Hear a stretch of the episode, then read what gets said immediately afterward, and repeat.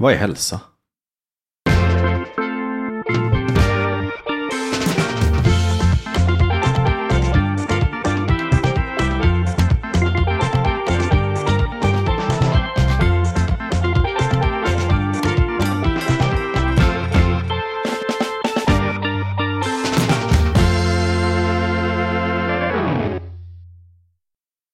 Två svar på det. En negativ definition. Frånvaro av sjukdom. En positiv definition. Närvaro av lycka, livstillfredsställelse, mening med mera.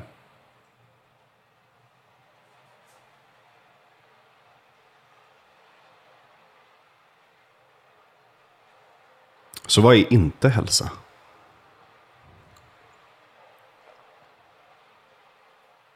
Utgår man ifrån den här negativa definitionen så är det ganska lätt att, att ringa in så att säga. Har man någon sjukdom så har man inte hälsa.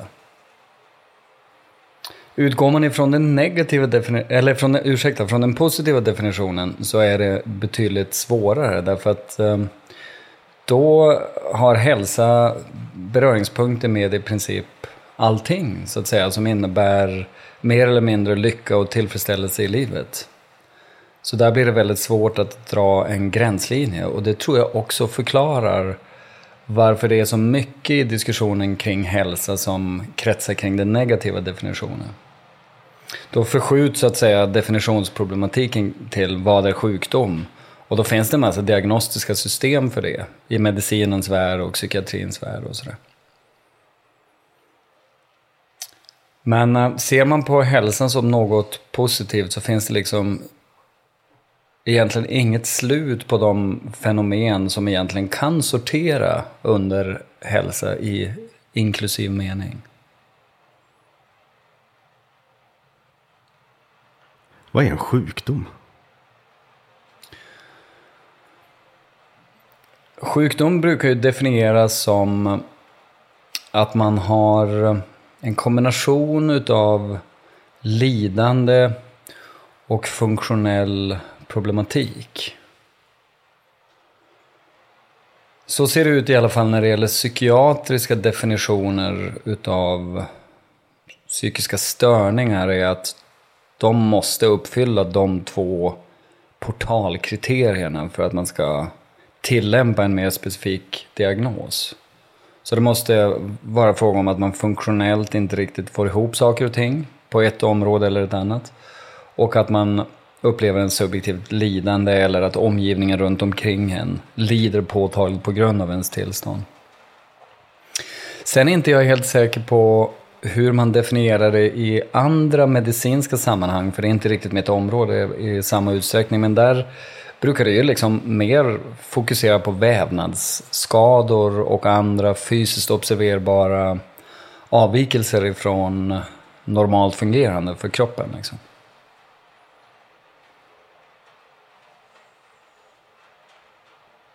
Varför delar vi upp begreppen fysisk hälsa och mental hälsa? Det är en väldigt bra fråga det där. Ehm, jag tror att det reflekterar en um, osäkerhet kring vad det mentala egentligen är för någonting. Alltså en del av oss utgår ifrån att det egentligen bara finns en verklighet. Och många av de som tänker så tänker att det finns materia. Och att det mentala, det är bara begrepp och ord för saker som vi ännu inte har koll på vad det är för materia som ligger till grund för det. Så att vi använder oss av psykologiska eller mentala begrepp som en slags stand-in för okunskap när det gäller det materiella. Men eh, det finns ju folk som har en annan uppfattning om det också och som verkligen på fullt allvar tror att det finns en materiell värld å ena sidan och sen en själslig värld å den andra. Så de skulle ju ge ett annat svar på den där frågan än vad jag gjorde. Alltså den första uppfattningen brukar man kalla för monistisk, att det bara finns egentligen en enhet i världen och de flesta monister tar då sikte på materia. Va? Eh, Medan den andra eh, uppfattningen som jag redogjorde för kort är dualistisk. Alltså. Och det är alldeles uppenbart att i vardagligt tal så använder vi dualistiskt språk när vi gör den här distinktionen mellan, mellan det fysiska och det mentala. Och frågan är om vi gör det bara för att det är praktiskt eller om vi gör det för att vi tror att det verkligen finns en skillnad mellan de två fenomenen out there, ontologiskt, alltså världens yttersta beståndsdel. Är det så att säga både materia och det mentala eller är det bara ett? Det är det knäckfrågan kretsar kring i filosofisk litteratur.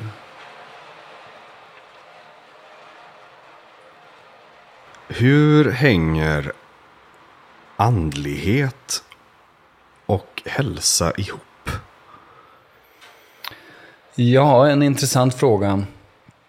Andlighet är ju ett lite fluffigt begrepp, ganska svårt att ge tydliga definitioner utav. Nästan ännu svårare än hälsa, som jag redan har varit inne på att man kan förstå på många olika sätt. Men när jag använder andlighet eh, som religionspsykolog så brukar jag tänka på andlighet som den subjektiva erfarenheten utav att vara connected med någonting som ofta ligger utanför en själv och som är större än en själv. Den yttersta verkligheten, Gud kan det vara. I vissa fall så kan det också vara med djupa lager utav sig själv som man normalt sett inte har tillgång till. Men det centrala är en slags relationell erfarenhet utav att vara sammanlänkad med annat. Det kan vara andra människor också. Man kan ha djupt andliga erfarenheter utav att vara connectad med andra människor till exempel. Men ofta när vi använder begreppet så brukar det ju syfta på någon eh, metafysiskt ankare som Gud eller andar och därav begreppet andlighet naturligtvis också. Och varför är det så viktigt för oss människor att vara connected? Om det så är med en gud eller med varandra.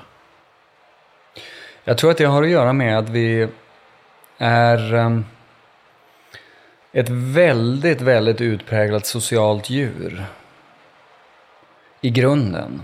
Vi har varit beroende av nära relationer till andra människor som vi kan lita på för överlevnad och för reproduktion. Men det finns ett viktigt tillägg där. Vi är ju inte de enda varelserna som har just den, det sociala beroendet i vår biologiska design. Så tillägget som jag har det är att vi är också väldigt intellektuella varelser. Så pass intellektuella att vi kan föreställa oss existensen av saker som vi inte varse blir kombinationen utav den här relationaliteten och intellektuella förmågan leder så väldigt naturligt över till att vi konstruerar världar där gudar, andar och så vidare finns som relationsobjekt utöver de mänskliga relationer som vi har. Och som delvis kan kompensera för brister som vi människor har. Om vi är om vi människor är så, om vi är så pass, vi är sociala varelser, hur kommer det sig att så många människor känner sig ensamma? Ja, det är för att vi lever våra liv på ett sätt som i många avseenden går stick i stäv med vad vi är biologiskt anpassade för. Um, alltså sätt som vi är biologiskt anpassade för att leva. Jag menar, det, tittar man på jägar-samlarkulturer så lever människor i väldigt intim kontakt med ja, ett varierande antal personer, alltid större än den enskilda kärnfamiljen som vi pratar om i vår del av världen. Alltså i communities helt enkelt som ofta består av ungefär 50 människor, eller något sånt, som man har väldigt mycket trygghet eh, ifrån och väldigt mycket relation med. Och sen så har vi ju i vår del av världen, många andra delar av världen också naturligtvis, under en lång period avlägsnat oss ifrån det sättet att leva på. Um, så om vi ska ta Sverige som ett exempel så har ju vi konstruerat ett ganska påtagligt atomistiskt samhälle. Där individen får sin trygghet från staten. Vad betyder atomistiskt at samhälle? atomistiskt, jag menar att det finns liksom en, en atomkärna och sen så finns det elektroner som cirkulerar i sin ensamhet runt den. Och hos oss är kärnan är på något sätt välfärdsstaten och sen en massa ensamma individer som kretsar kring, kring den kärnan och ska då få sin trygghet därifrån. Um, och det var inte alldeles givet att det skulle bli så i Sverige, för att går vi tillbaka några decennier så var det en kritisk diskussion som fördes från vänster till höger politiskt som handlade om huruvida vi skulle bygga vårt samhälle på communities. Eller om vi skulle bygga det på en stark stat. Och det blev en överväldigande seger för tanken på den starka staten. Och över tid så kom communities allt mer att underutvecklas i Sverige. Så jag tror att det är ett skäl till varför många av oss upplever ensamhet. Staten är ju ingenting som man förälskar sig i eller som man tar i handen på och så vidare, utan är ju en abstrakt institution så att säga. Det är intressant att vi inte ens har något lämpligt svenskt ord för community.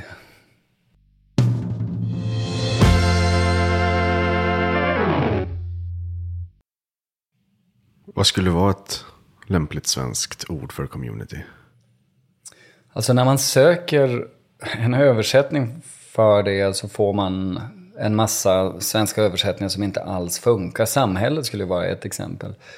Men um, om man pratar med folk från andra delar av världen, om vi tar USA till exempel, så syftar ju inte de på samhället som helhet, utan de syftar på en, en grupp av personer som de gängar ihop sig med för att få sällskap och för att lösa olika typer av praktiska och trygghetsrelaterade problem. Och att vi inte gör det har ganska mycket att göra med att vi inte har behövt göra det. Så vi har blivit lite underutvecklade när det gäller communityskapande. Ehm, trots att vi har en lång historia av föreningar och annat som ju utvecklades parallellt med att välfärdsstaten utvecklades men som med tiden har fått ja, vad ska vi säga, um, har vittrat bort ganska mycket. Och har blivit byråkratiska små klubbar som sköter väldigt specifika saker som en kolonilottsförening eller en idrottsförening eller någonting i stil med det. Det är ofta själva negationen utav, um, vad ska vi säga, communities i den här flexibla själsligt, eh, själsligt vitala eh, meningen. Där man träffas någon gång då och då och håller sig till ett protokoll i sann demokratisk anda och alla tycker det är skittråkigt. Så de håller på att försvinna. När började detta hända i Sverige? Jag tror att man kan säga att det var Mm, 1960 till 70-talet som på något sätt blev brytpunkten för utvecklingen i Sverige. Dessförinnan hade det funnits mycket folkrörelser. Alltså, spontant positivt skapande utav föreningar. Eh, som fyllde viktiga skyddande funktioner för människor. Och under 60-70-talet så kom en serie allt mer progressiva eller radikala politiska reformer som innebar att staten byggdes ut och blev en allt viktigare känsla, äh, källa till trygghet för människor och som över tid har lett till att de här mer spontana föreningarna och annat har, äh, har fått stryka på foten. Så exempelvis så, om man ska ta några konkreta exempel på det så, så var det så att man bestämde sig för att äh, till exempel bygga ut förskolor så att alla barn från ganska låg ålder skulle kunna vårdas utav, omvårdas av samhället istället för av sina föräldrar På den tiden var det ofta mödrar då. Och det lanserades som en jämställdhetsreform. Men i själva verket så fanns det ett annat sätt att se på det är att det också var en ekonomisk reform som hade att göra med att vi skulle höja vår tillväxt om kvinnor också arbetade ungefär lika mycket som vad män gjorde. Och det var mer rationellt ur samhällsekonomisk synpunkt att några få vuxna tar hand om många barn. Så att säga.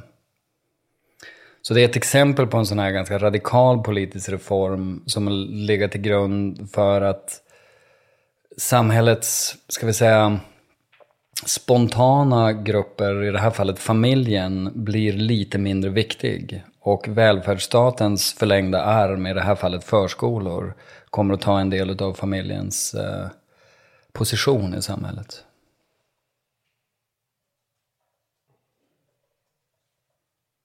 Vad skulle svenska befolkningen behöva göra för att öka sin både fysiska och mentala hälsa?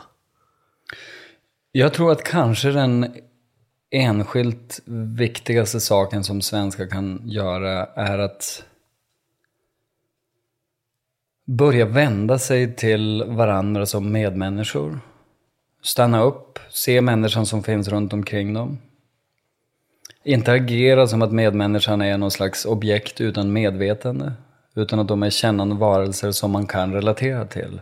Som man inte behöver skydda sig emot. Jag tror vi behöver förstå att vi ska inte vara rädda utav, för att vara beroende av varandra. Utan vi ska vara sårbara i varandras sällskap och hjälpa varandra. Det tror jag skulle göra otroligt mycket för svenskars känsla utav hälsa och eh, connectedness. Inte förlita sig på att regler eller byråkrati ska sköta jobbet, utan att det är vi tillsammans som gör det. Vad är stress? Mm, det är väldigt, det slår mig här att alla de här begreppen som vi pratar om, hälsa och andlighet, stress nu, ju är exempel på begrepp som är notoriskt svåra att definiera och man, man ser därför också att de blir lite uttunnade över tid och kommer att rymma nästan allting. Men eh, det traditionella svaret på stress, det är när en person, på hur man ska definiera det eller förstå det, det är att när man står inför utmaningar som är ansträngande för en själv att klara av. Um, ehm, alltså på engelska, taxes one resources. Um, så att man tror kanske inte att man ska klara av en situation här och nu i ljuset av de möjligheter som man har. Och när man har den upplevelsen mellan diskrepansen mellan ens egna varseblivna förmågor och vad som krävs för att klara av en situation, så upplever man stress. Men sen har det kommit att få ett mycket, mycket eh, mer eh, utvidgad betydelse. Ehm, exempelvis om man går till en läkare för att man har någon slags typ av diffusa symptom, säg. Och de hittar inte i sina undersökningar och sina diagnostiska manualer att ens tillstånd passar i förhållande till någon speciell sjukdom. Så säger de, det är nog stress. Ungefär som om det vore um, en, en bra förklaring till personens tillstånd. Och varför tror du att så många upplever sig stressade just nu? Eller är det egentligen bara ett uttryck för någonting annat?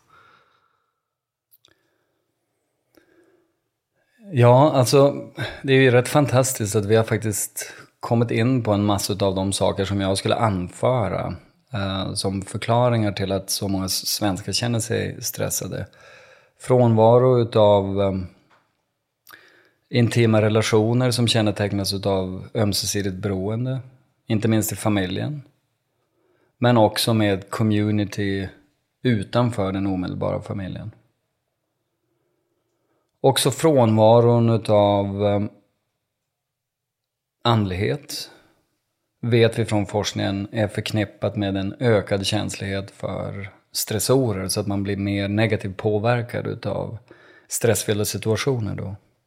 På vilket sätt då?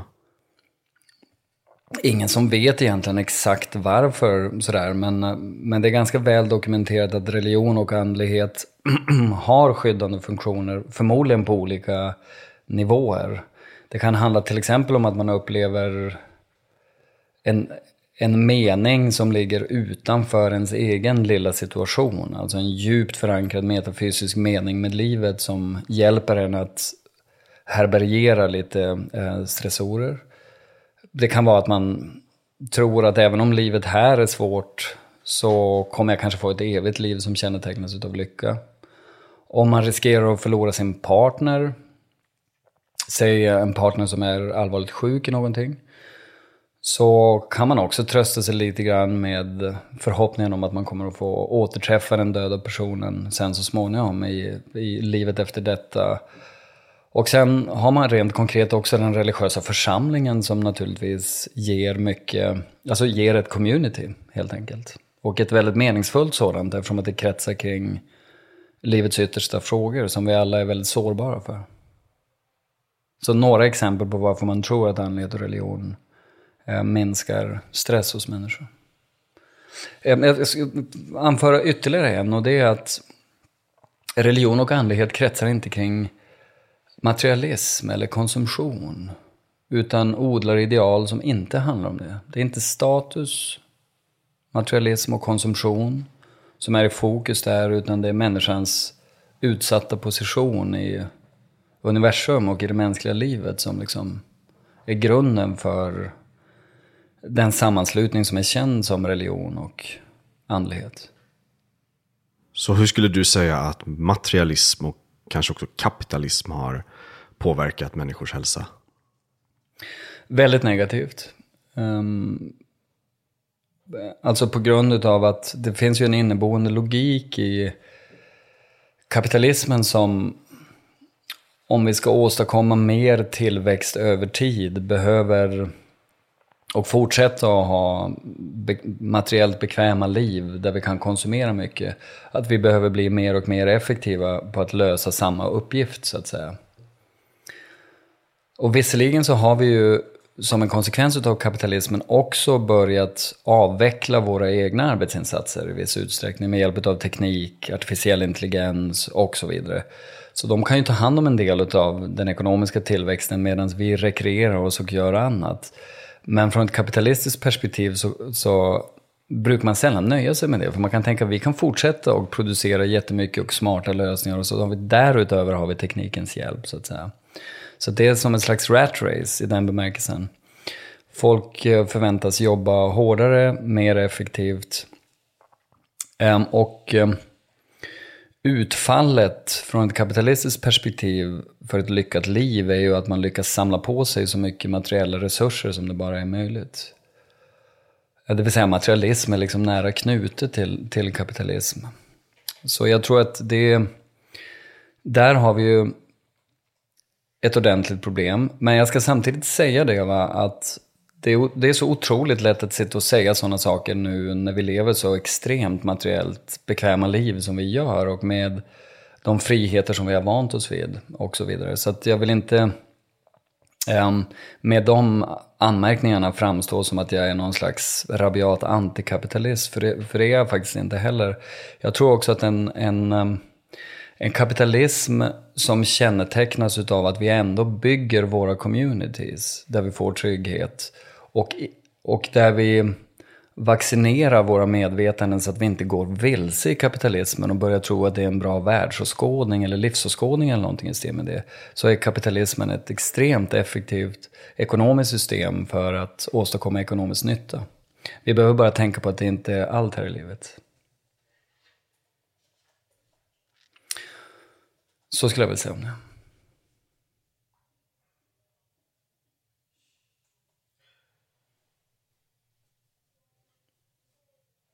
Varför upplever många människor att djur har en liksom, positivt bidragande effekt mm. till människors hälsa? Och inte bara upplever utan de har det faktiskt också. Ja, inte minst hundar som jag tror slår alla andra djur.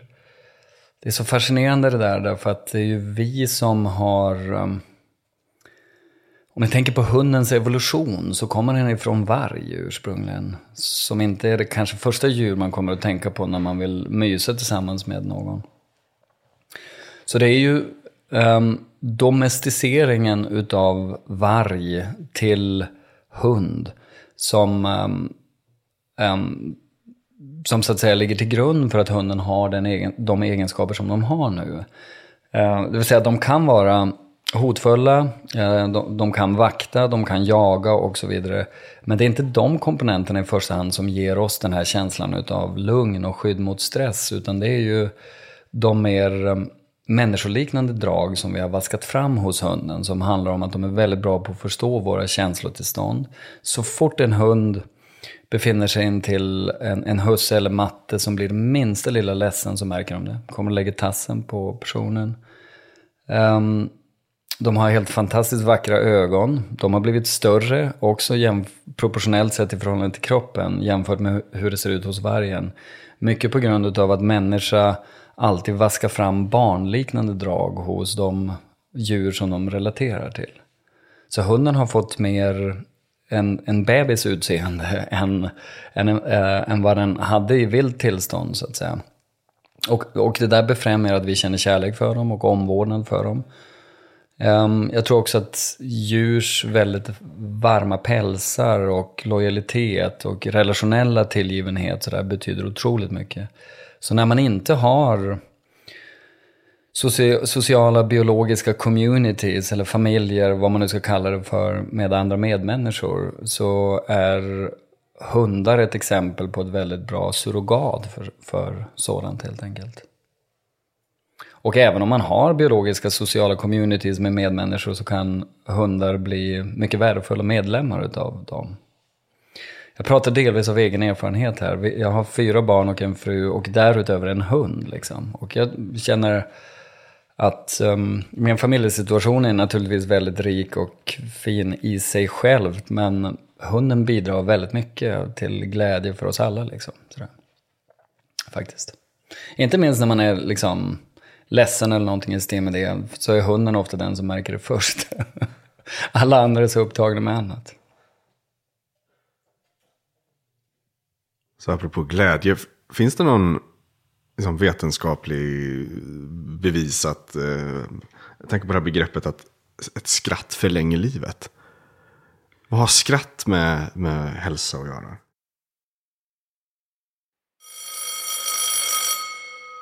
Stunden är kommen. Jag som rektor kommer härmed ut som nyfiken idiot själv. Jag har gjort min första lektion tillsammans med den fantastiska Per Granqvist. Jag är otroligt tacksam för att få lära mig mer om hälsa och välbefinnande som jag nu kan applicera i mitt yrke som rektor. Om du vill lära dig ännu mer om hälsa och lyssna på mig och Per så ska du gå in på www.patreon.com nyfikna idioter för där fortsätter lektionen och du får dessutom en hemläxa att klu Vänta, jag har en hemläxa att göra. Eh, jag måste plugga. Killevippen. Rektor Ström.